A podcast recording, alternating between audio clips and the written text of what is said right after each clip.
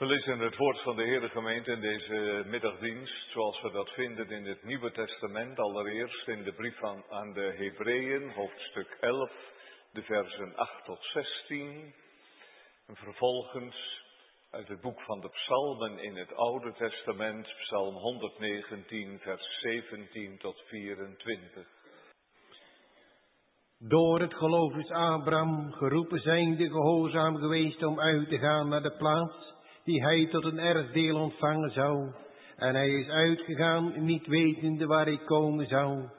Door het geloof is hij een inwoner geweest in het land der beloften, als in een vreemd land en heeft in tabernakelen gewoond, met Isaac en Jacob, die mede erfgenamen waren derzelfde beloften. Want hij verwachtte de stad die fundamenten heeft, welke kunstenaar en bouwmeester God is. Door het geloof heeft ook Sarah zelf een kracht ontvangen om zaad te geven. En boven de tijd haar ouderdoms heeft zij gebaard, met zij hem getrouw heeft geacht, die het beloofd had. Daarom zijn ook van één en dat van een verstorvene zoveel in menigte geboren, als de sterren des hemels en als het zand, dat aan de oever van de zee is, het welk ontelbaar is. Deze allen zijn in het geloof gestorven, de belofte niet verkregen de hebbende, maar hebben dezelfde van ver gezien en geloofd en omhelst, en hebben beleden dat ze gasten en vreemdelingen op de aarde waren. Want die zulke dingen zeggen, betonen klaarlijk dat zij een vaderland zoeken. En indien zij aan dat vaderland gedacht hadden, van het welk zij uitgegaan waren, ze zouden tijd gehad hebben om weder te keren. Maar nu zijn zij begeerig naar een beter, dat is naar het hemelse. Daarom schaamt zich God hunner niet om hun God genaamd te worden, want hij had hun een stad bereid. Verder zal u gelezen worden uit Psalm 119, vanaf vers 17 tot en met 24. Doe wel bij uw knecht dat ik leven en uw woord bewaren. Ontdek mijn ogen dat ik aanschouwe de wonderen van uw wet. Ik ben een vreemdeling op de aarde, verberg uw geboden voor mij niet. Mijn ziel is verbroken vanwege het verlangen naar uw oordelen te alle tijden. Gij scheldt de vervloekte hoogwaardigen die van uw geboden afdwalen. Wend van mijn versmaaldheid en verachting, want ik heb uw getuigenissen onderhouden.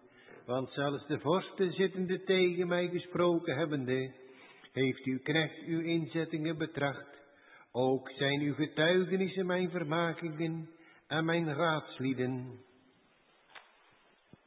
Mag ik vanavond gemeente beginnen met een vraag aan u? Om u wat te helpen met het nadenken over de boodschap van deze middag. Ook om samen te ontdekken waar het eigenlijk om gaat, deze vraag. Wat stelt u zich voor bij een vreemdeling? In onze multiculturele samenleving. En dan leven we hier dan niet in Amsterdam en niet helemaal in het Westen, maar dat zal hier wel net zo zijn als op Urk. Dat geldt toch tot op zekere hoogte voor heel onze Nederlandse samenleving. Kom je nogal wat mensen tegen die wij aanduiden als allochtonen, als vreemdelingen. Ik denk dat u allemaal wel een bepaald beeld voor u hebt. Misschien een vrouw met een burka. Man met een andere huidskleur.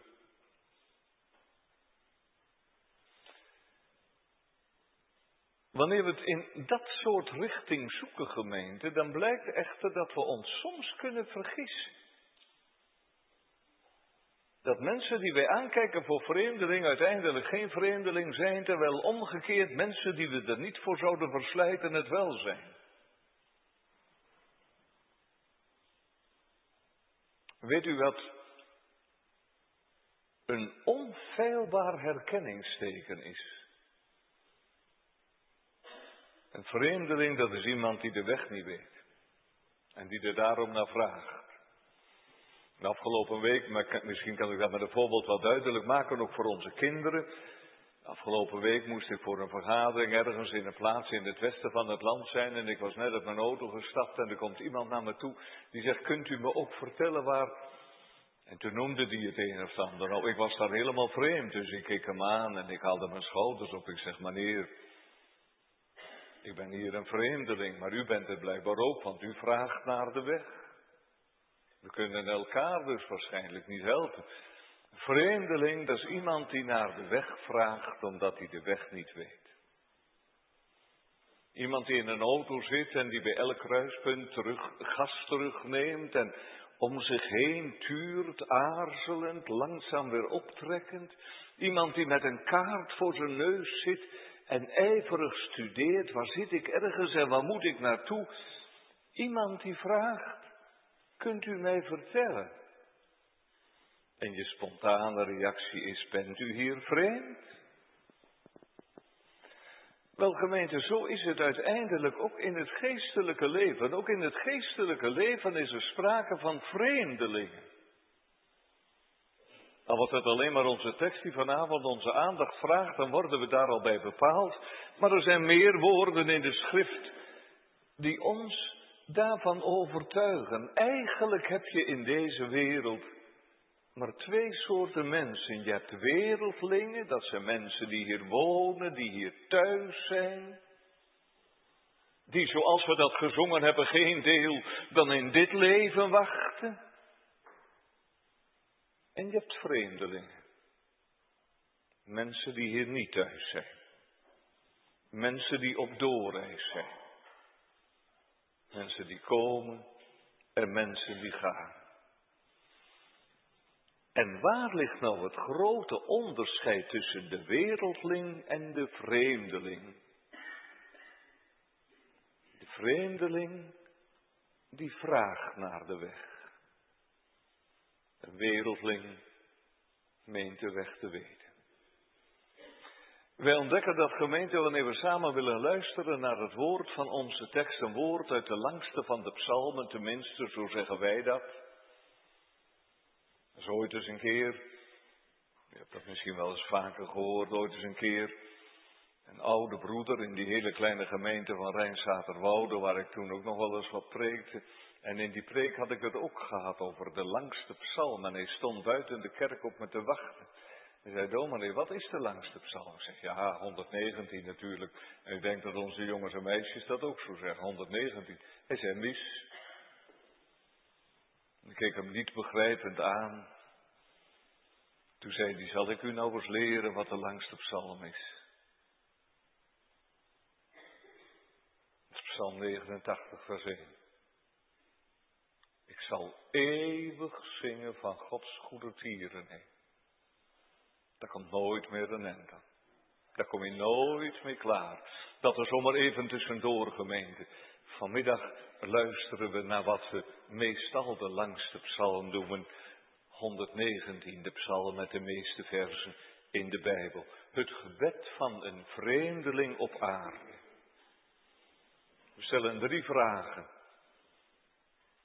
En we horen het antwoord vanuit de tekst. Wie is hij? Waar is hij? Wat vraagt hij? Het gebed van een vreemdeling op aarde. Wie is hij? Waar is hij?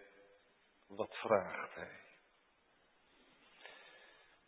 Wanneer wij gemeente iemand tegenkomen en we zeggen, wie bent u eigenlijk, dan krijgen we meestal als antwoord een naam te horen. En dat weet je dan. Maar daarmee weet je over het algemeen nog niet zo heel erg veel. En dan kan het wezen dat je iemand anders tegenkomt en dat je zegt, ik heb die en die ontmoet, hij heet zo en zo, ken jij hem ook? Kun jij me vertellen, wat is dat eigenlijk voor iemand? En dan kan het wezen dat ook die ander zegt, ja, dat kan ik je niet vertellen, want ik weet het nog steeds niet. Wanneer we op die manier aan de dichter van Psalm 119 zouden vragen, wie bent u eigenlijk, broeder, die dit schone leerdicht heeft geschreven, heeft gezongen, dan worden we niet zoveel wijzer, want we, we, vinden geen naam in deze psalm. Het zou David geweest kunnen zijn. Groot is geweest in psalmen, is het niet waar? Het zou een van de kinderen van Korach kunnen zijn. Het zou nog een van die anderen kunnen zijn en misschien nog wel weer iemand anders, omdat deze psalm toch wel een wat unieke plaats in het geheel van dit machtige Bijbelboek uitmaakt. Maar het is onmogelijk om de dichter thuis te brengen. Maar je kan ook op een andere manier vragen, wie ben je eigenlijk? Zoals een dominee dat soms aan een catechizant kan vragen, die die even apart houdt aan het einde van een catechizatieuur, omdat hij denkt, ik moet dus even met die jongen, met dat meisje praten. En dan vraagt hij niet, hoe heet je eigenlijk, want als het goed is, weet die dominee dat al wel. Maar dan vraagt hij, wat heb ik nou eigenlijk aan jou? Kijk, en als we dat vragen aan de dichter van Psalm 119 gemeente, dan krijgen we een aantal ondubbelzinnige antwoorden die heel veel duidelijk maken. Wilt u een paar van die antwoorden horen om daardoor erachter te komen met wie we vanavond te maken hebben gemeente en om vervolgens uzelf daaraan te toetsen, in die spiegel te kijken om te zien of u daar iets van, van uzelf herkent? Als je aan deze man vraagt, wie bent u eigenlijk?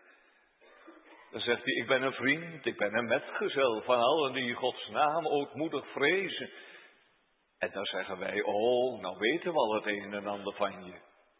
We hebben immers dat spreekwoord, zeg mij wie uw vrienden zijn en ik zal u zeggen wie gij zijt. Als je daarbij hoort, dat wekt meteen al een stuk vertrouwen, is het niet waar? Je kunt ook het antwoord krijgen dat we in onze tekst vinden, ik ben een vreemdeling op aarde. En ook dat zegt natuurlijk al wel het een en ander. Maar als we dan die psalmes verder lezen, en er staat veel te veel in om dat allemaal aan de orde te stellen vanavond gemeente, dan ontdekken we dat dat niet alleen een kwestie is van woorden, dat die man zegt dat hij een vriend is van Godvrezende, en dat die man zegt dat hij een vreemdeling is op aarde. Maar dan merk je, het is waar. Die man heeft in de ogen van de wereld een hele vreemde dingen. Heeft hele merkwaardige gewoonten. Als je dat op je laat inwerken, dan zeg je, deze man, dat is toch wel echt een vreemde eend in de bijt van de wereld. Terwijl de grote massa van de wereld en van het kerkvolk, dat laatste ook gemeente, want we moeten niet vergeten dat de vijanden waarvan deze dichter het zwaar te verduren heeft, niet vanuit de wereld komen, maar behoren tot het bondsvolk Israël. Psalm 119 op de scheid zijn tussen kerk en wereld dwars, dwars door de kerk heen. Terwijl die grote massa van kerk en wereld zich vermaken op de kermis van de ijdelheid, waar volgens Bunyan de pelgrimsweg naar de eeuwigheid dwars overheen loopt. Beleid deze man, Heere, wend mijn ogen af dat ze geen ijdelheid zien. Niet omdat alles wat er in de wereld te zien is ook ijdelheid en ook zonde zou zijn, gemeente. Maar het is allemaal zo leeg en je komt er niet mee klaar en je verknoeit er je genadetijd mee. En het is niet bevorderlijk voor het genadeleven. Wij zeggen wel eens van bepaalde dingen, dat zonde van de tijd. Nou, dat zegt deze man ook.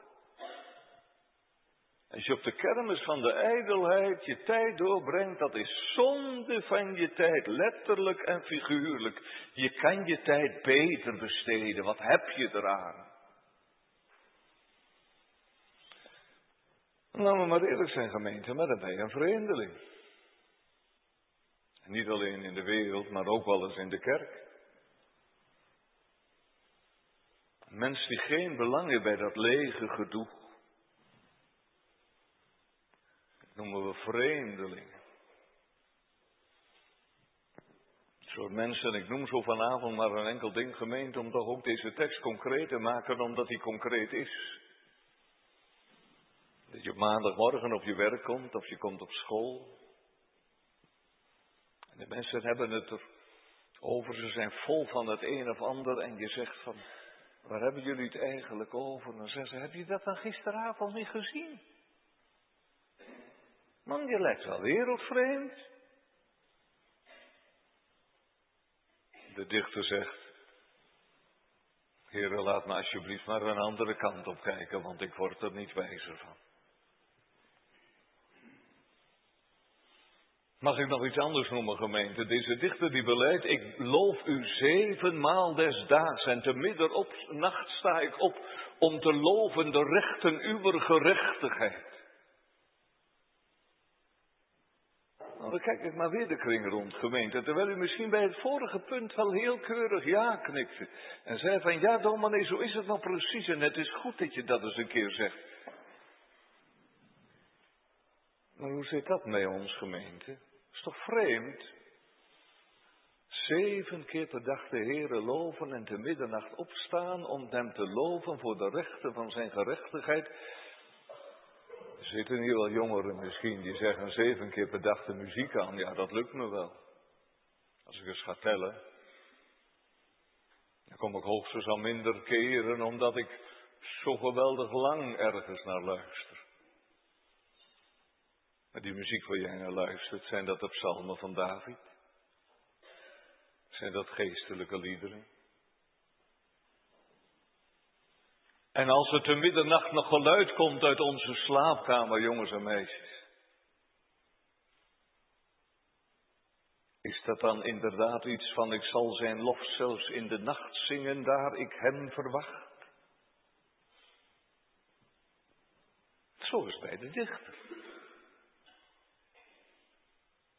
is toch een merkwaardige figuur. Een wereldvreemd mens. Mag ik u op nog wat wijzen, gemeente? Hij verkeert in de gezelschappen die de Heere vrezen en ergens anders voelt hij zich niet op zijn gemak. En zijn popmuziek, vergeef me dat ik het zo zeg gemeente, bestaat in Gods inzettingen, die zijn gezangen, zegt hij, ten dagen mijner en ter plaatse mijner vreemdelingschappen. En wat wel heel vreemd is, gemeente, zijn ziel bezwijkt van verlangen naar het moment dat God komt om te oordelen. Wie zegt hem dat na hier vanavond in de kerk? Je verlangt naar het moment dat God oordelend gaat ingrijpen. Snapt u dat? Zegt u nou langzamerhand, die man, dat is toch wel een beetje een vreemde figuur. Een vreemdeling. Je hoort het aan zijn gepraat, gemeente. Het is zijn grootste vreugde om de Heere en zijn woord aan te prijzen. Je ziet het aan zijn gelaat. Hij vertelt hoe de tranen over zijn wangen lopen vanwege de overtreding van Gods geboden, die hij om zich heen opmerkt. En hoe hij de glans van blijdschap vertoont als hij spreekt over de verordeningen van God. Ik, Heere, die al mijn blijdschap in u vind. Kan niet laten, gemeente, om te vragen, zegt u dat na? Ik herinner me jaren geleden, ik was nog student, toen liet ik die psalm aan het einde van de diensten zingen. En in de consistorie was er een broeder die diep onder de indruk was. Van dat laatste vers, die zei, dominee, wat ben je een bevoorrecht mens als je dat van tijd tot tijd echt mee kunt zingen met je hart. En wat is het een voorrecht om zo op je plek te zijn. Al je blijdschap in. Je merkt het ook in de daden van deze man. Hij wandelt in de wegen van Gods wet en Gods dienst. is een liefdedienst voor hem. En wanneer we dat allemaal gezien hebben, gemeente, dan komt er onwillekeurig een vraag boven, waarschijnlijk ook wel bij u. Hoe is die man zo geworden? Want dat weten we hier natuurlijk allemaal wel, zo is een mens van nature niet. Adams kinderen, Daar is dat niet normaal voor, gemeente, dat je zegt dat je de Heer en zijn dienst zo ontzaglijk lief hebt. Adams kinderen, we beleiden dat immers met de catechismus, die zijn geneigd om God en de naaste te haten. En die zijn er niet op uit om de Heere te eren, integendeel, we zijn eerrovers van God en we zijn liefhebbers van onszelf en we hebben lust tot het kwade. Wat we om ons heen zien en wat we in de krant lezen, gemeente.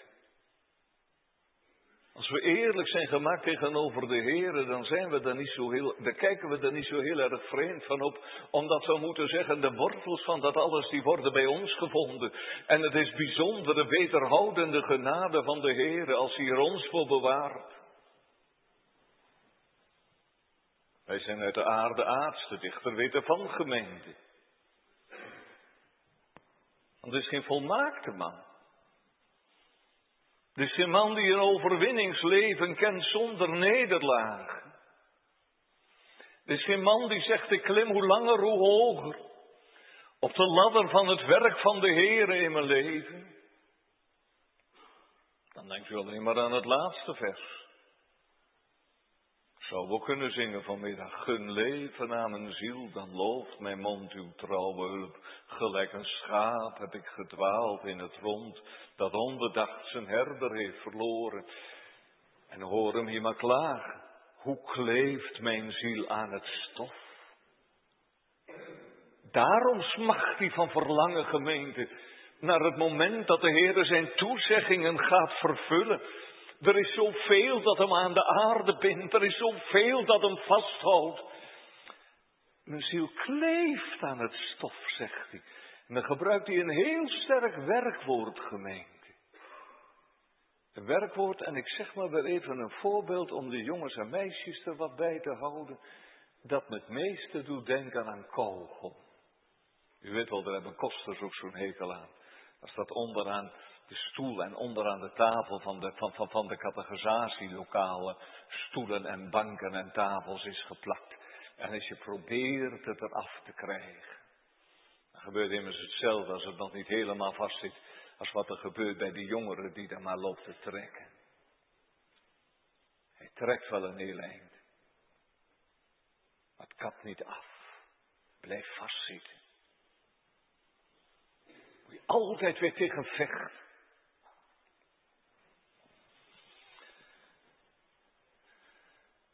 Hoe wordt nou zo'n aardig gebonden Adamskind die moet beleiden stof te zijn uit stof, vreemdeling op aarde?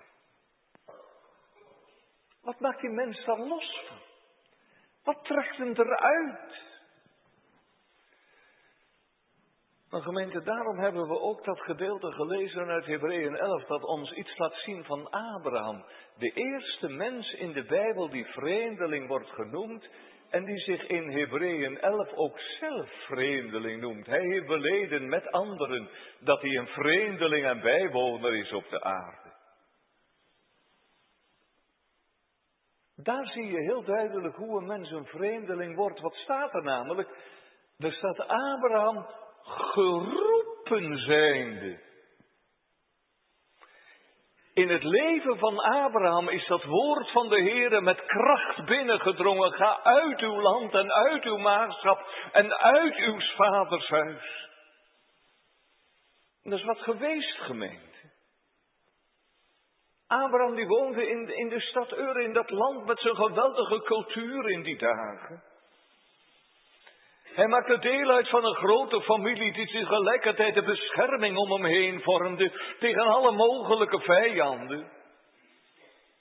En zijn vaders huisgemeente, dat was alles wat voorheen hem dierbaar en beminnenswaardig scheen. Er waren banden van vrees en bloed en die moesten doorbroken worden en vervangen door banden van geloof, hoop en liefde. Abraham was geen vreemdeling. Hij werd het. Hij was het niet. Hij woonde in Ur. Daar hoorde hij thuis. Hij diende de afgoden, de zon de maan en de sterren. Je kunt je dat nou bijna niet meer voorstellen. Abraham, de afgoden die daar, maar zo laat de Bijbel hem ons zien. Hij werd een vreemdeling door op reis te gaan. Getrokken door de roepstem van de Heer. God heeft hem eruit gehaald. En daarmee heb ik al wel wat gezegd, gemeente, maar daarmee heb ik niet alles gezegd, want niet iedereen die geroepen wordt gaat ook inderdaad op reis. De Heere geeft die roeping kracht. Want zonder de bijzondere werking van de Heilige Geest met het woord, praktiseert geen mens erover om op reis te gaan, vreemdeling te worden. Dan hebben we de aarde lief. En dan hebben we wel ons verdriet over de ellende van deze aarde. En over de moeite van deze aarde. En we zuchten wel onder de problemen van deze aarde.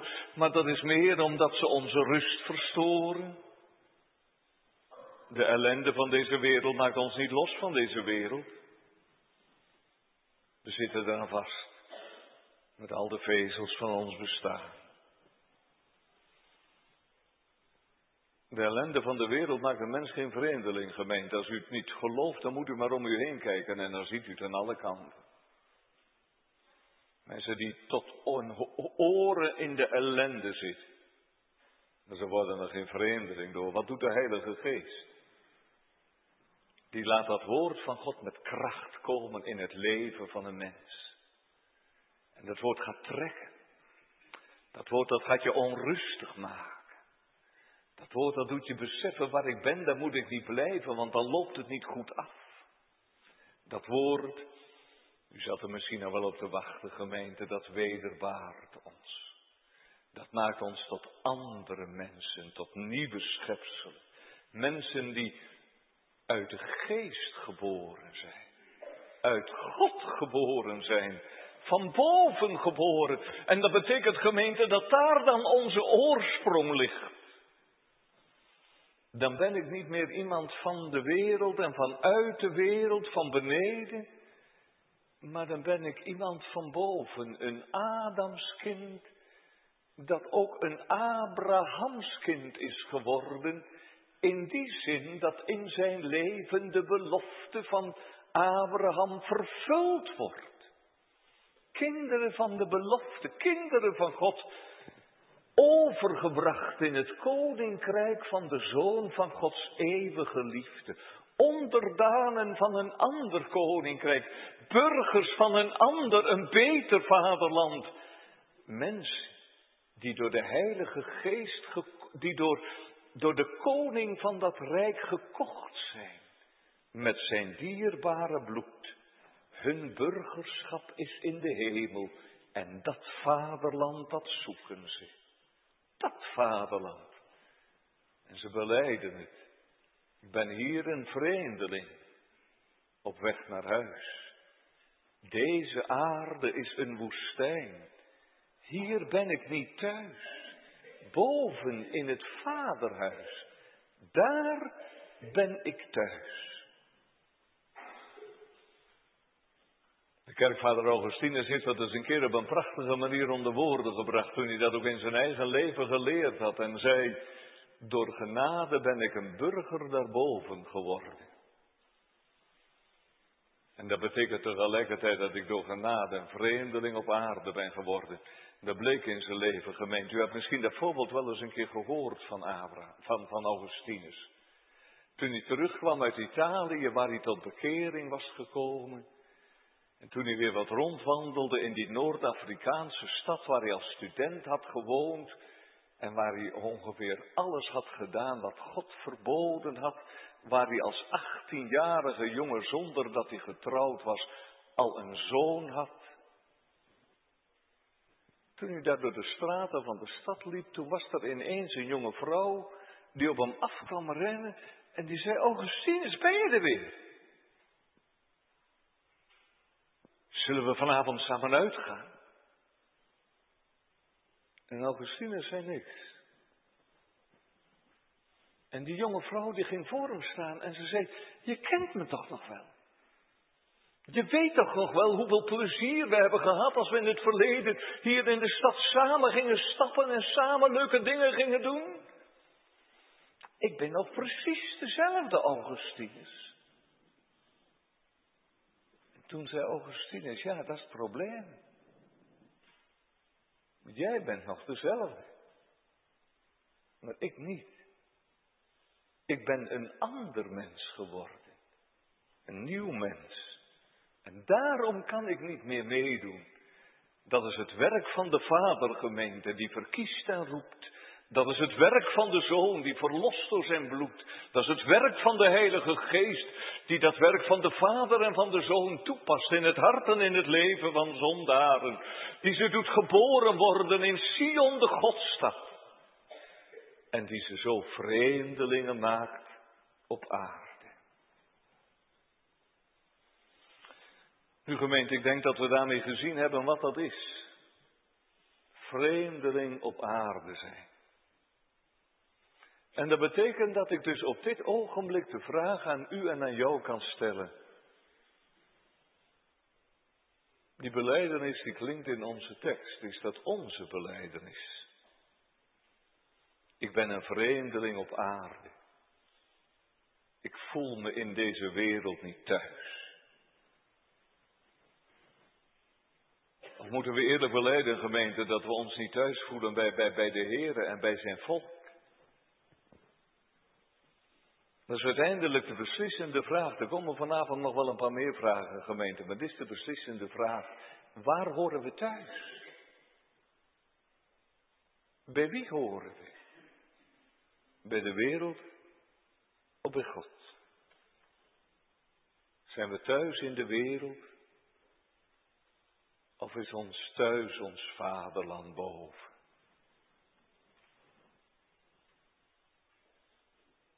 Van nature is het dus de wereld. Dat hebben we wel goed begrepen, gemeente, dat je als natuurlijk mens nooit kunt zeggen, ik hoor thuis bij de Heer. Want dan vergis je jezelf en dan bedrieg je jezelf, gemeente. Als het niet verandert, dan, dan blijft het ook zo, gemeente, dat u een wereldling bent, een wereldburger die bij God niet thuis is. Zeg dat nou eens eerlijk, gemeente. Welk gezelschap verkiezen we? Zondag en in de week. In ons werk en in de vrije tijd. Thuis en in de vakantie. Zeg dat nou eens heel eerlijk. Waar kunnen we over meepraten? Nee, die, die dingen van de wereld, dat hoeven niet altijd op zichzelf zondige dingen te zijn, gemeente.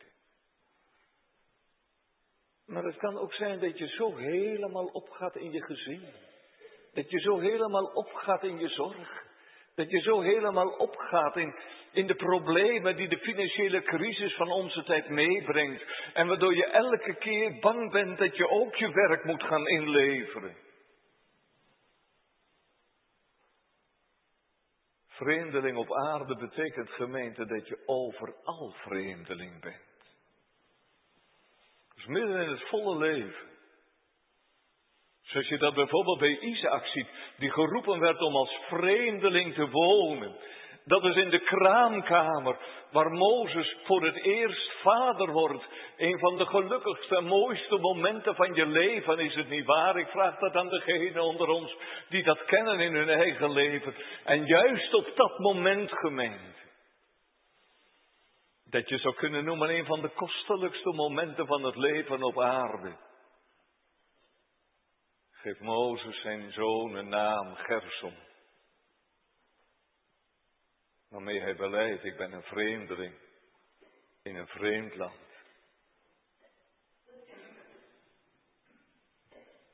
Gemeente, als je vreemdeling op aarde bent, dan ben je dat in je bedrijf, dan ben je dat thuis, dan ben je dat in de gesprekken waar, die je voert. Dan gaat het over de vraag, waar heb je plezier in, waar ga je in mee, waar huil je om en waar lach je om? Wat zoeken we nou eigenlijk? U vindt het niet erg als ik dat toch vanavond ook weer bijzonder aan onze jonge mensen vraag. Wat zoek je nou eigenlijk? De manier waarop je je zaterdagavond doorbrengt. De keuze van je vakantie. De keuze van je vrienden.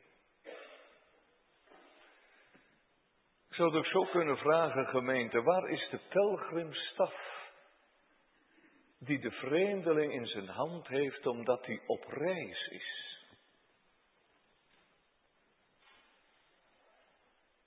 Misschien zegt vanavond iemand, dominee, als u het zo vraagt, dan denk ik aan mijn oude grootvader. Toen had je dat nog. Zulke mensen. Maar nou.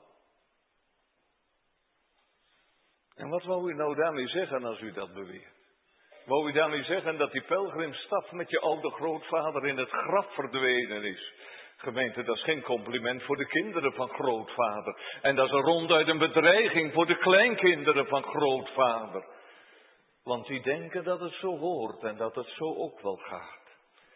Als u bij deze aarde hoort, gemeente, wilt u zich dan alstublieft realiseren dat de wereld voorbij gaat. Wilt u zich toch alstublieft niet verkijken op wat de wereld te bieden heeft? Kijk, je kan je uitleven. Je kan er een tijd lang van genieten. Dat zei Mozes ook. Een tijd lang de genieting van de zonde van Egypte. Mozes ontkende dat niet, dat je ervan genieten kunt. Maar het is maar voor een tijd, zei Mozes, en dan is het voorbij. En dan hou je niks over als je niet wat anders hebt. En als vandaag of morgen die uitbarsting komt, gemeente, van de vulkaan waarop deze wereld leeft. Wat is het dan groot, gemeente, dat je een ander vaderland hebt? Want als het één keer zo ver is, dan kun je het niet meer zoeken. U zong dat, hè, straks. Red mij van hen die geen deel dan in dit leven wachten. Meent u dat? Of moet u, als u heel eerlijk bent, zeggen, daar moet ik dan zelf van gered worden, want eigenlijk leef ik alleen maar voor wat de wereld van vandaag te bieden heeft. Gemeente, als je alles van de wereld verwacht, dan raak je tenslotte alles kwijt. Gaat u maar na, dan heb je de hemel niet. Dan kom je dus ook niet. Dan heb je God niet. Die neemt het dus ook niet voor je op. En de aarde die je meent te hebben, die raak je ook nog een keer kwijt, gemeente. Zeg nou eens, wat houdt een mens dan over? Ja, zegt u, niks. Was maar waar, gemeente. Was dat nog maar waar, dat je dan niks overhield? Dan hadden die mensen in elk geval gelijk, die zeggen met de dood is het uit. Maar weet u wat u overhoudt, gemeente, als u, als u de aarde verkiest en als u de hemel niet hebt en als u God niet hebt, dan houdt u straks de hel over. Dat is het bedriegelijke van de vorst der duisternis, gemeente. Die belooft je de hele aarde, maar die geeft je straks de hel. Dat moet je goed zien, gemeente. Wie voor deze aarde kiest, Probeer daar toch alsjeblieft ook eens over te praten met iemand in je omgeving die naar God niet vraagt. Wie voor deze aarde kiest, die kiest op termijn voor de hel. Ja, maar wat kan ik daar aan doen, zegt iemand.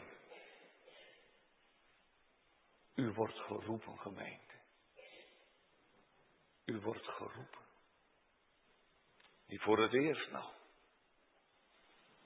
Bent al geroepen bij de doop. Ik haalde vanmorgen de doopsformulier aan. Ik haal het vanmiddag weer aan, gemeente. Of we met z'n allen verbonden twee delen begrepen zijn, zo worden wij ook weder van God tot de doop vermaand en verplicht tot een nieuwe gehoorzaamheid. Namelijk dat we deze enige God, Vader, Zoon en Heilige Geest aanhangen, betrouwen en liefhebben van ganse harten, van ganse zielen, met alle krachten. De wereld verlaten. Hoort u het wel? Horen jullie dat, jongens en meisjes? Toen je gedoopt werd, hier of misschien nog in de vorige kerk. Toen riep God jou al om de wereld te verlaten. Hebben je vader en moeder je dat al eens verteld? Hebben ze al gezegd wat dat inhoudt? De wereld verlaten? En vanavond roept de Heer weer. Dat is zijn langmoedigheid. We zijn in het heden der genade. En de Heere zegt vanavond, ga eruit. Naar dat land dat ik je wijzen zal. En de Heere laat dat land aanprijzen. En dan laat je de koning van dat land voorstellen. Die grote Heere Jezus Christus. Die er zijn eigen bloed voor over heeft gehad om onderdanen te kopen en ze een plaats te geven in zijn hemels koninkrijk. En de Heilige Geest gebruikt de prediking en gebruikt het woord als een zater wedergeboorte, om het je te leren weg wegschatten. Je kunt niet bevatten hoe rijk ik wel ben. Ik heb alles verloren, maar Jezus verkoren, wiens eigen ik ben. Ik ben een vreemdeling op aarde, onderdaan van de koning van dat eeuwig koninkrijk, verbonden aan die hemelse vreemdeling, die eens als vreemdeling wandelde op aarde. Zegt u het na, gemeente? Gaat u mee met Abraham? Niet op de manier van neef Lot, al kwam het gelukkig tenslotte met hem nog goed. Maar ga je met hem mee als kind en erfgenaam. Er zijn nog een paar dingen in onze tekstgemeente waar we nog even de aandacht voor moeten vragen. Allereerst dat dat niet zo gemakkelijk is. Want wanneer je een vreemdeling bent op aarde, dan ben je niet meer van deze wereld, want je bent van boven geboren, maar je bent ondertussen nog wel in deze wereld. Als vreemdeling. En dat merk je gemeente, want die wereld van onze dagen die zo tegen allerlei vormen van discriminatie is. Die moet niet zoveel hebben van dit soort vreemdelingen en die worden bij het leven gediscrimineerd. Ook in ons eigen goede vaderland zie je dat hoe langer hoe meer. En alweer, net als de dichter van Psalm 119, heb je soms de meeste last van kerkmensen die verwereldelijkt zijn en die niet in een valse rust gestoord willen worden. En die zeggen, ach je moet niet zo moeilijk doen en je moet niet zo benepen doen. Dat is de moeite gemeente, want we zijn nog wel in deze wereld en daar krijg je moeite mee. Hoe dichter een mens bij de Heer leeft, hoe meer de vreemdelingschap op aarde zichtbaar wordt. Maar hoe meer je ook herkend wordt als een vreemdeling. En als je levende stijl vertoont van het koninkrijk van God gemeente, dan krijg je moeite met de wereld. Johannes zegt, nu zijn wij kinderen Gods, daarom kent ons de wereld niet. Je bent anders, je doet anders. Je bent ter wereld gekruisigd. En die wereldgemeente, die kan je missen als kiespijn. Merkt u dat wel eens? Misschien moet ik het eerst andersom vragen, gemeente. Merkt die wereld wel eens aan ons dat wij vreemdelingen zijn? Zien ze dat? Ze zeggen, jullie zijn toch anders. En zien ze dat op zo'n manier dat ze er toch ook wel eens een beetje jaloers op kunnen worden. Misschien niet op dat moment dat je niet mee kunt lachen om datgene waar de wereld om lacht. Maar wel op dat moment dat je niet meehuilt op de manier zoals de wereld huilt. Bijvoorbeeld bij een open graf.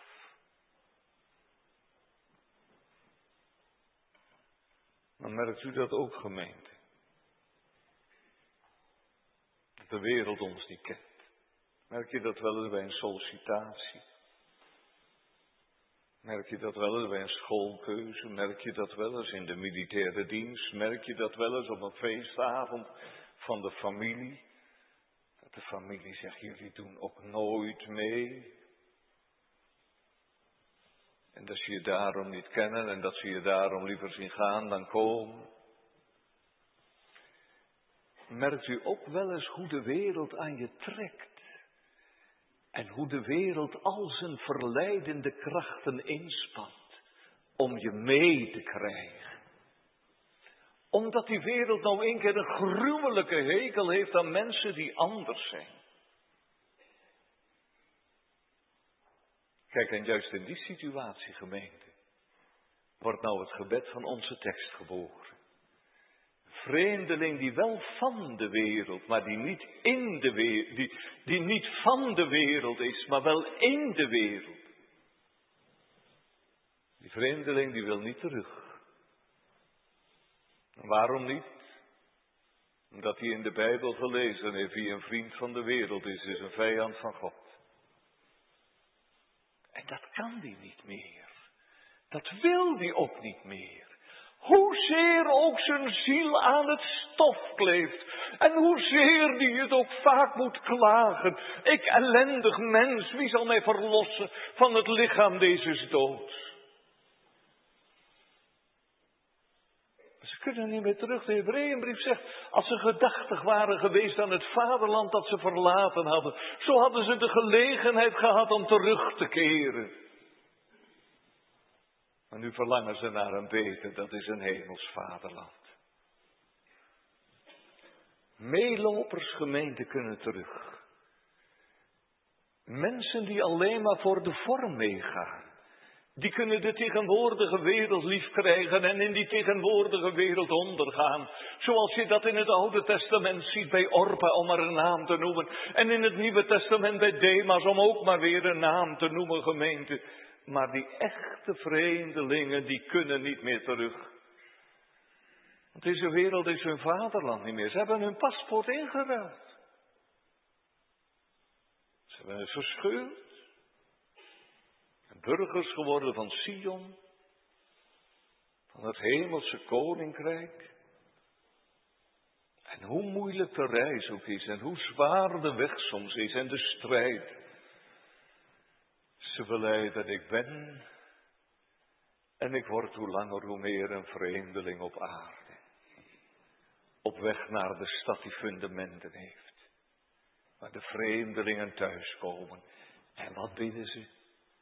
Laat uw geboon op reis mij niet ontbreken.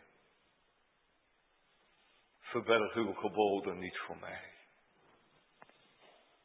Gemeente, je zou kunnen zeggen, dat is het beste kenmerk van die vreemdelingen. Die hebben een wegenkaart bij zich. Als ik nou eens modern mag zeggen, die hebben een routeplanner bij zich. En die routeplanner, die vinden ze in Gods geboden.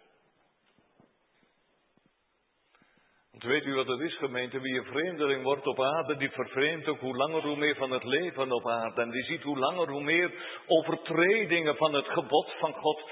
En die hebben het daarom hoe langer hoe meer nodig dat de Heere ze de weg wijst. Heere, laat me niet aan mijzelf over en laat mij niet mijn lot beslissen. Want dan komt er niks van terecht. Laat ik mogen leven naar de wetten van uw goddelijk koninkrijk. Want ze beseffen als God zijn aangezicht verbergt. En dat gebeurt uiteindelijk als God zijn wet verbergt. Dan wordt het donker. We raken de weg kwijt. En we verzeilen vroeg of laat in het moeras.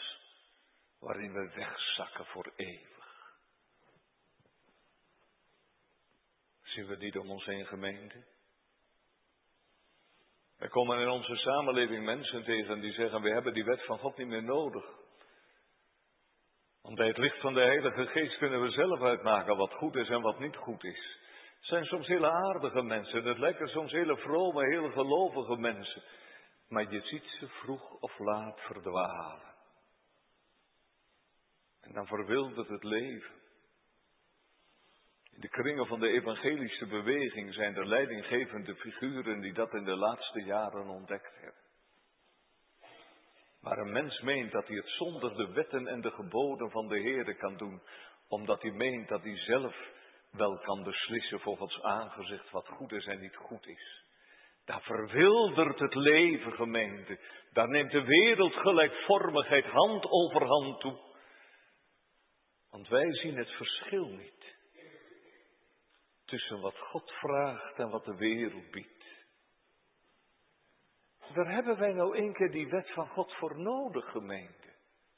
Jongelui, laat je nooit wijs maken dat een mens zo ver kan komen in zijn leven dat hij het zonder die geboden van de Heer kan doen. Want alleen de wet doet de zonde kennen. Weet u waarbij u dat ook ontdekt, gemeente? Bij mensen die menen dat de wet van God geen antwoord geeft op de moderne levensvragen. Nou, dus over Gods wet die verbiedt misschien bepaalde dingen wel, maar wij weten wat meer en wij weten het beter in onze tijd. En dan zie je de gevolgen op het gebied van abortus en van euthanasie en van homoseksualiteit en van seks voor en in het huwelijk. Mensen die beweren dat Gods wet uit de tijd is. En dat Gods wet geen rekening houdt met de moderne samenleving waarin wij leven en met de nieuwe ontwikkelingen die er zijn. En wat gebeurt er? Deze dichter die begreep het al. Dan gaat God zijn wet verbergen. En dan kan het gebeuren, gemeente, dat mensen zeggen, die wet hoef je in de kerk ook niet meer te lezen. En wat is het gevolg? Dat het donker wordt. Want als God zijn wet verbergt, ik herhaal het nog maar een keer, dan verbergt hij zijn aangezicht. Dan laat hij ons aan onszelf over. En het gevolg is, gemeente, dat het goede kwaad wordt genoemd en het kwade goed. Zien we het niet? God verbergt zijn wet voor een volk dat er niet meer naar wil luisteren. En het leven wordt een wildernis, een jungle, waarin het recht van de sterkste geldt en waarin de arme het onderspit delft. Lopen wij dat gevaar ook niet, gemeente? Waar wij niet meer vragen. Heren, wat wilt gij dat ik doen zal? Kijk dan nou eens jij gaan leven op na. Dan heb u dat voor het laatst gevraagd. En die grote beslissingen van je leven, van waar je woont en wat je gaat doen voor werken en met wie je door het leven wilt gaan, maar ook in die kleine dingen, gemeente. Heren, wat wilt u dat ik doen zal? Zitten ze hier misschien ook in de kerk? Ik zeg, ach dominee, zo doe ik dat. En zo zie ik dat. Dat we hele stukken van het leven buiten de geboden van de Heere proberen te houden. De Bijbel die zegt er toch niks van en het zal aan de hemelpoort toch niet gevraagd worden. En wat geeft dat nou? En of het dan gaat over je werk en over je kleding, of dat het gaat over je handel en je wandel en de inrichting van je huis en hoe we ons leven inrichten. Over onze gang naar de magnetiseur. Ik noem zomaar een paar willekeurige dingen gemeente. Over onze gang naar de videotheek, over onze omgang met onze pc, met internet. Gemeente, wanneer we niet naar de Heere vragen, dan zegt Gods woord, dan gaan de lampen uit. Dan wordt het donker. Dan zien we God niet, dan zien we de naaste niet, dan zien we de weg niet. Dan verbergt God zijn geboden en het volgende geslacht weet er niks meer van. En we zijn puur verwereldelijkt. Zeg nou eens, bidt u dat nog wel eens gemeente? verberg uw geboden niet voor mij. Nee, we hebben niet op alles meteen een antwoord gemeente. Mensen die op alles meteen het antwoord weten, dat zijn mensen die noemt de Bijbel fariseeërs en dat is ook geen gezelschap om daarmee de eeuwigheid aan te doen gemeente. Maar waar dit gebed ontbreekt, daar ontbreekt de vreemdelingschap. Want dit is het kenmerk. En waar wij mensen rustig in alles met de wereld mee kunnen doen, daar zijn wij mensen van de wereld vreemdeling op aarde is een mens die smeekt. Verberg uw geboden niet van mij. Heere, steek de lampen aan en laat het licht van uw woord vallen over mijn leven. Dan alleen wandel ik in vrezen in de dagen van mijn vreemdelingschap. Heere, gaat u voor. Leer mij de weg door u bepaald. Neem mij bij de hand. Ik ben een vreemdeling op aarde, zei de dichter van Psalm 119. Nou, zegt u het ook? Zeg jij het na? Is dat Gods genade in ons leven, gemeente? Dat wij mensen zijn op doorreis. Naar de eeuwigheid. Naar de Godstad. Naar huis. Kan je dat tegen elkaar zeggen, gemeente, als je straks op vakantie gaat? Of als je naar het ziekenhuis gaat, of ook wanneer je gewoon weer naar het werk gaat. Tot ziens. Hier of boven. Is dat Gods genade in ons leven? Dat we voor één ding bang zijn geworden. Dat God zijn aangezicht voor ons verbergt. En dat we ten diepste naar één ding nog verlangen. Wanneer komt die grote dag? Waarnaar de kerk uitziet met een groot verlangen. Om ten volle te genieten de beloften Gods, welke zijn in Christus Jezus, onze Heere, God des levens. Wanneer zal ik naderen voor uw ogen, in uw huis, uw naam verhogen? Amen.